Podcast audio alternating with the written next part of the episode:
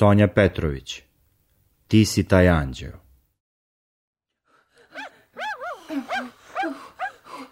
Ajde, još dište. malo. Ajde, ajde, dište. Tako je, još tako malo. je, dište. Duboko, duboko udahnite. Ma šutim se to! Tako je, ajde.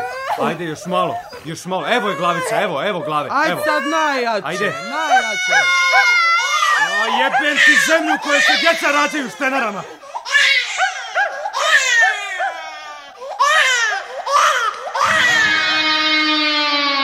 Tada sam se prvi put našao pred životnim paradoksom. Svijet u kojem sam se zatekao bio je grozan, iako ga nisam mogao uspoređivati s drugim svijetovima. Ali me je neki vrak tjerao da dišem i da se za taj svijet vežem onako kako se nikada neću vezati ni za jednu ženu. Moj najveći problem bio je što sam odmah po prvom plaću bio u stanju donositi ontološke zaključke. Kad god bih prepričavao svoje rađanje, govorili su mi da izmišljam. U početku me je to nerviralo, to što su me smatrali lašcem. Znao bih se gorko rasplakati. Međutim, s godinama sam se smirio, shvaćajući da je ovaj svijet utemeljen na nepovjerenju i na neobičnoj ljudskoj sklonosti da vas smatraju potpunom budalom kada govorite istinu, a doživljavaju vas ozbiljno čim počnete lagati. Iako još nisam razriješio problem s postojanjem i nepostojanjem Boga, on mi je svjedok koji će potvrditi da ne lažem kada svjedočim o onom prvom predsmrtnom iskustvu iz rađonice.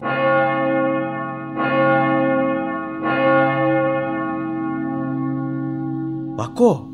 Ima li Boga? Za neke ga ljude ima, a za neke nema.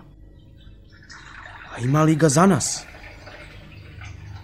Za mene Boga nema, a što se tebe tiče ne znam. Nije me oduševljavala činjenica da pitanje Boga ne mogu riješiti odmah. Ali mi je bilo milo što sam shvatio kako postoje istine koje govoriš samo sebi. Volio sam svoju porodicu i to mi morate vjerovati na riječ. Ali sam više od njih volio mala sitna svjedočanstva o onome što su htjeli prešutjeti kako bi se barem u očima svog sina i unuka kvalificirali za raj. Do tada nisam bio svjestan koliko je smrt rasprostranjena stvar i koliko se o njoj među odraslima govori. Lijepa smrt. Šut, Franjo, ja ću prije tebe.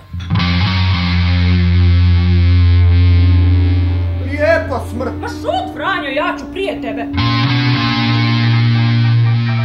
A lijepe li smrti? Šuti, Franjo, ja ću prije tebe. Lijepa smrt. Šuti, Franjo, ja ću prije tebe. Lijepa smrt. Šuti, Franjo, ja ću prije tebe. I tako svaki dan.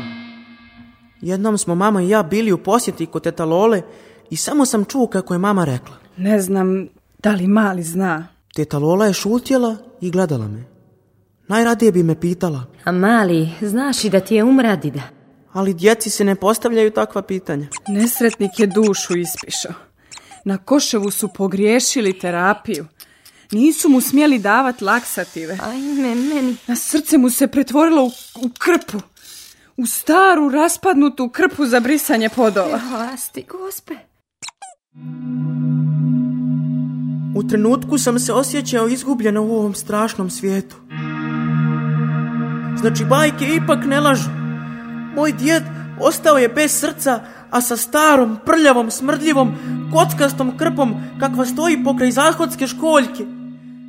Htio sam naglas zaurlati od užasa.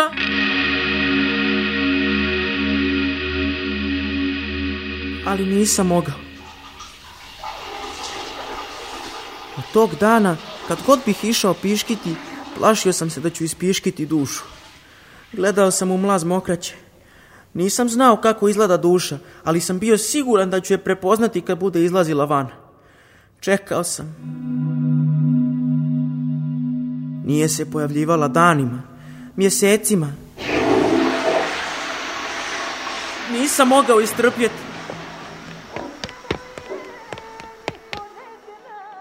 Paku, kako izgleda duša? Duša ne izgleda. To je ime za nešto što nema nikakvog izgleda. A može li se duša pokakiti? Pitao sam kako bi doznao šta me zanima, a da ne otkrijem ništa o tome da znam da mi je djed umro i kako je umro. Ma kako to misliš može li se duša pokakiti? Hoćeš reći može li se umrijeti u zahodu? Da. A, mislim da može, ali obično se ne umire tamo. A gdje se obično umire? U krevetu. I gdje još? U saobraćajnim nesrećama. I gdje još? U ratovima, u zemljotresima. A duša? Šta bude s dušom? ništa, duša nestane. Pa kako može nestati ono čega ima? A pa isto ko što se potroši marmelada pa je više nema. A jel duša nestane unutra ili iziđe vam pa nestane? A gdje bi izlazila? A nema gdje da izlazi, nije pas da iziđe, a nestane, više nema i fertik štreka. Znači duša se ne može pokakiti. Ne, ne može, ne znam otkud ti tako nešto. U tada sam piškio bez straha. Nisam više gledao na mlaz ali sam se počeo ljutiti na baku jer je bila prevarant. Rekla je da će umrijeti prije deda. Mislio sam da se treba sramiti jer je učinila nešto ružno. Ne bi trebalo govoriti da ćeš umrijeti prije nekoga ako nećeš. Lijepa Poslije sam već zaboravio na bakin sram. Vjerovatno zato što nisam primjećivao da se ona srami.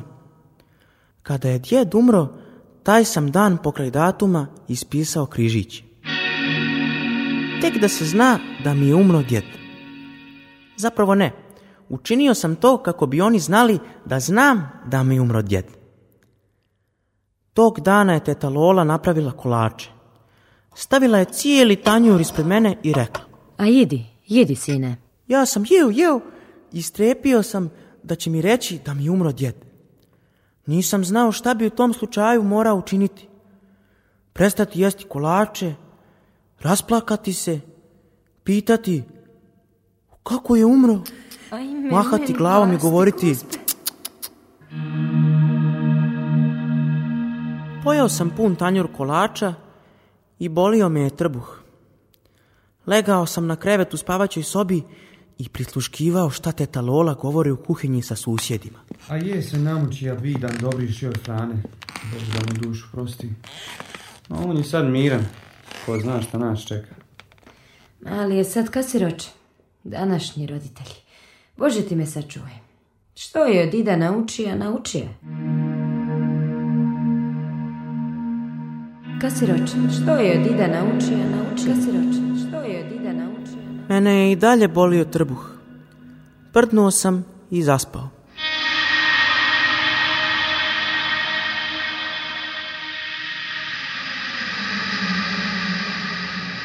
Volio sam svoga djeda. Od njega sam svašta naučio. Uglavnom one muške stvari. Jednom je, kao sasvim malom dječaku, odurlao priču o drugom svjetskom ratu. Hitler je idiot. To sam rekao odmah 1939. Idioti gube ratove, ali ubiju više ljudi nego što možeš zamisliti. A onda je došao Pavelić. Pavelić je bio smeće.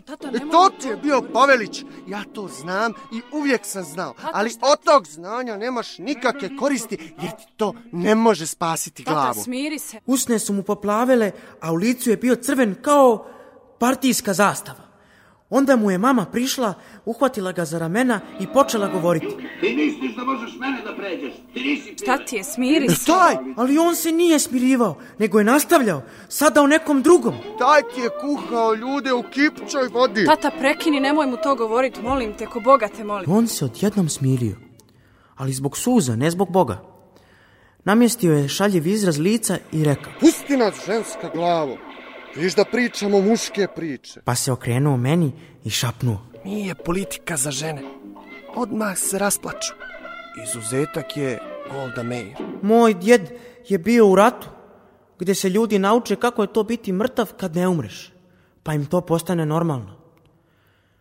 Jednom, dok je djed jeo srdele, jedna mu je ispala na novin. E, dobar primjer daješ malom. Ajde, ženo. Djed je samo uzeo ribicu noktima, kaži prste i palca i stavio je u usta. Krckale su sitne kosti kao suhe borove iglice, a na novinama je ostao mastan trag u obliku srdele, kao fotografija. Novinska stranica izgledala je kao nadgrobnik sa slikom pokojnika. Pokojna riba u djedovom trbuhu. A od čega umiru srdele? Od zraka. Onako kako bismo mi umirali da nas neko drži pod vodom. Znači, ribari bacaju mreže da bi ribici izvukli na zrak i da bi one onda umrle. Ne, izvlače ih da bismo imali šta jest. Mm. a jede se samo ono što je mrtvo. I blitva, i ona je mrtva.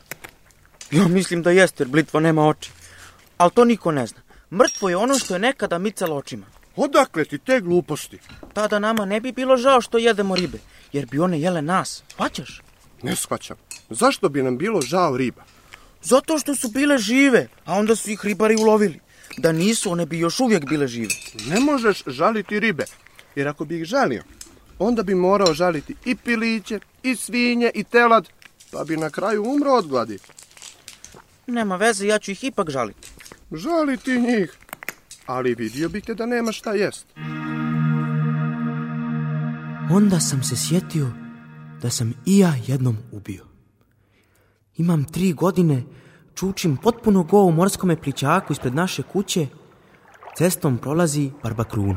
A što radiš, Jor Miljenko?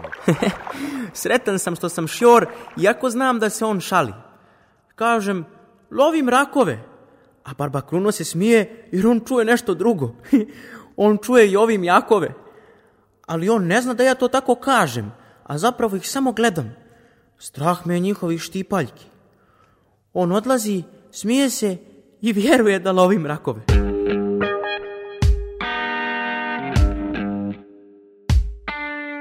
Šest mjeseci kasnije ulovio sam prvog raka.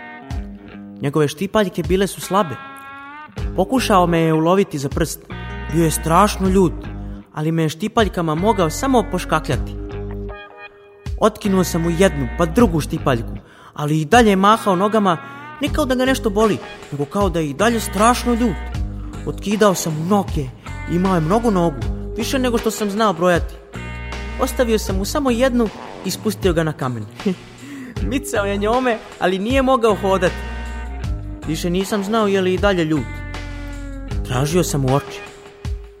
Možda Raki nema očiju. Uzeo sam kamen i udario po njemu. rasprsnuo se na sve strane, ali nije bilo krvi bio je iznutra žut.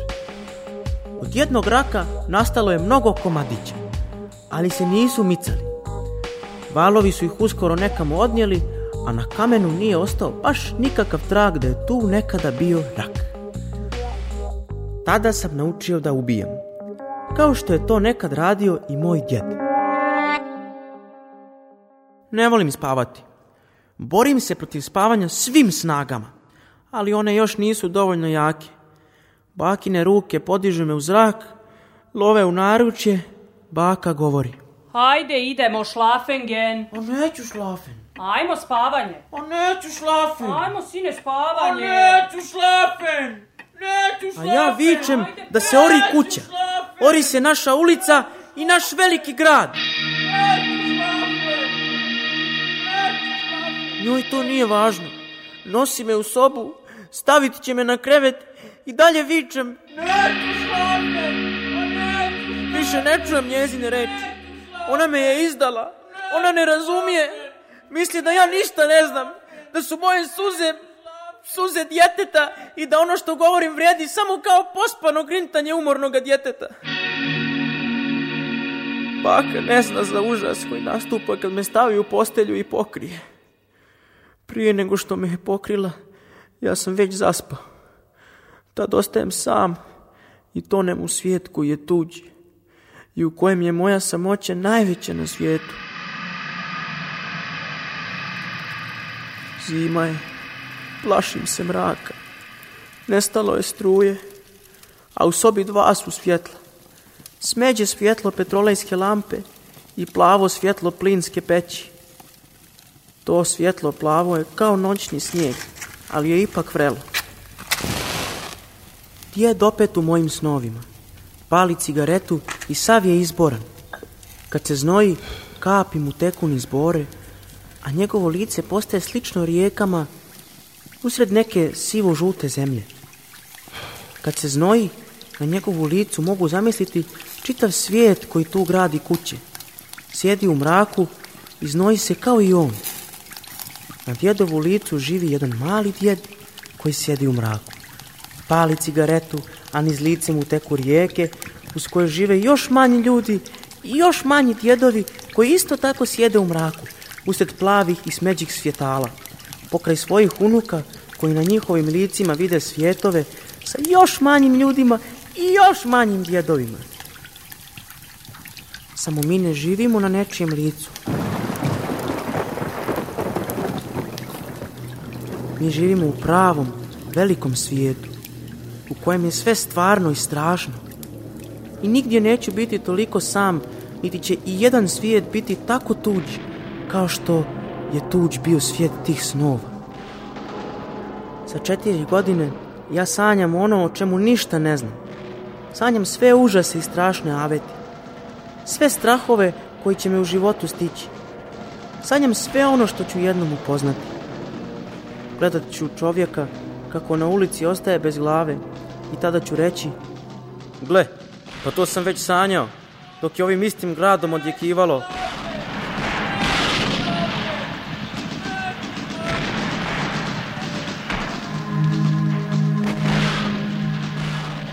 sanjam svake noći i pokušavam zavikati u svojim snovima, da me netko čuje, da dođe po mene i izvede me van. Ali ne dajem glasa od sebe. Šutim. Kao što vjerojatno šuti grob. Moj grob ili nečiji drugi, to je sve jedno. Ali šutim i sanjam. I tako sve do jutra. Do časa kada počnem zaboravljati i kada se budim. Baka me tada gleda, ja je se smiješim, kao da ničeg nije bilo i ništa se strašno nije dogodilo. Blažena djeca. Ona sve zaborave. Ničeg se djeca neće sjećati. I ona doista vjeruje u to. Nekoliko trenutaka pred buđenje, malo biće mraka izlazi iz glave, srca i sobe i žurno napušta svijet.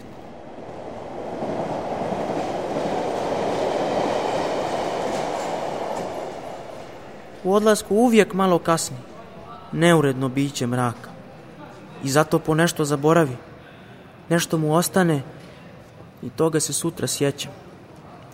Imam ga kao, kao svoj san ukraden od mraka i od njega tek otišlo ga. Kad kad mu ugledam crnu nožicu dok bježi iz moje sobe. Vidim kako za sobom vuče koferčiće na kojima su naljepnice s natpisima Amsterdam, Berlin, Novosibirsk, Sarajevo, Sarajevo, Sarajevo to drago sanjano mjesto. Taj ogromni grad, najveći na svijetu, jer je jedini. Jer su mi samo četiri godine. Jer u tim koferčićima na drugi svijet odlaze snovi od prošle noći, koji će me jednoga dana dočekati. Tamo gore, na nebu. Na nebu kojega nema. Dočekat će mene kojega više neće biti. U sobi kao ova, ti snovi kao jedino pokućstvo i trag.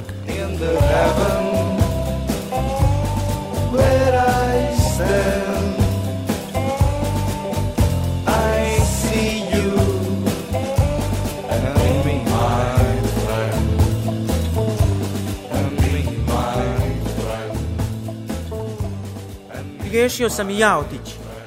Budim se rano dok još vi spavaju kockastu salvetu zamotam sendvič, pišem pismo iako me nisu naučili slova. Dosta mi vas. Više se nikada neću vratiti. Tamo, na tom drugom mjestu, ću zauvijek i bit ću bogat. Sa pravim autom i sa pravim željeznicama. Sa pravim pištoljem i pravim kaubojima i indijancima. I sa partizanima i sa njemcima koji će sa mnom ratovati i koji ću pobeđivati kad god budem htio. Da nekog spasi. Kao što je poglavica medveđa šapa divnim signalima javljao svijetu da će zvijezde možda pasti na zemlju, ali da zlatni potok nikada neće pasti u ruke bijelog čovjeka. Sjedam u kutiju i krećem. Ajde, jedan grlo ćeš poderati urlajući u toj kutiji. To nije kutija, to je auto. Pa šta je ovo? To je pismo. Ostavio sam vam da ne brinete. Paka je gledala u valovite crte ispisane kemijskom olovkom. A šta tu piše? Kako me možeš to pitati? Ti znaš da čitaš, ja ne znam. Ma nešto ja tu ne vidim da piše. Nigdje tu nema slova. Zato što se igram. Kad se igram, onda su to prava slova, a ovo je pravi auto. To je igra šofera. Djed me naučio.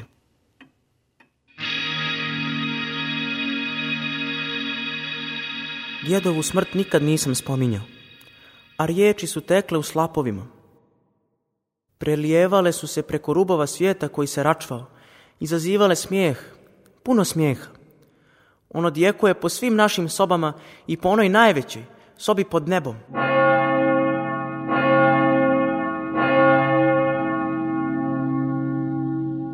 Umrla je i baka.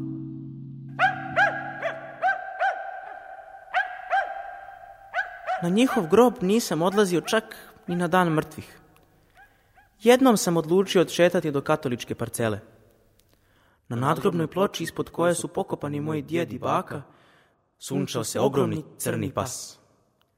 Sjeo sam do njega, a on je lijeno podigao glavu i gledao me polusklopljenih očiju. Više mi nije bilo bitno što mi nitko ne vjeruje da se sjećam dana kada sam se rodio. Spustio sam dlan na njegovu glavu. Ti si taj, anđeo. On je dva put repom udario po mramoru, kao da je uzdahnuo, pa se vratio u san. Život se završava uzdasima. Kad uzdahnem, sebi govorim.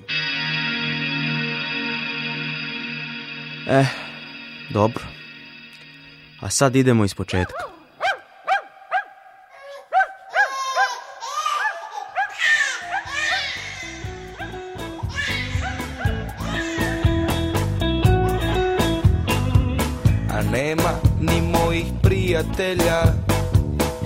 zato sada idem i ja Odavde je, je, je, je, je Od Ante je, je, je, je, je I od Ljube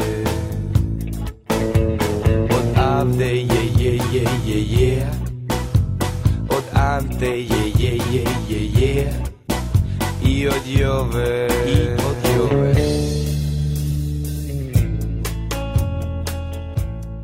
Slušali ste radio dramu Ti si taj anđeo. Po motivima priča Miljenka Jergovića iz romana Mama Leone. Emisija je nastala u saradnji sa Akademijom umetnosti u Novom Sadu, klasa profesora Aleksandra Davića. Uloge su tumačili Dejan Karlečik, Aleksandra Belošević, Stefan Bukić, Tamara Belošević, Alisa Debelić, Ivan Marković i Una Đelošević. Urednica Mirjana Petrušić Mentor Melina Pota Koljević Asistent ton majstora Doru Barbulov Ton majstor Milan Guzijan Izbor muzike Zoran Vucelja i Uroš Stojnić Dramatizacija i režija Sonja Petrović Ovo je zemlja za vas Ovo je zemlja za sve vaše ljude Ovo je kuća za vas ovo je kuća za svu vašu djecu Odavde je je je je je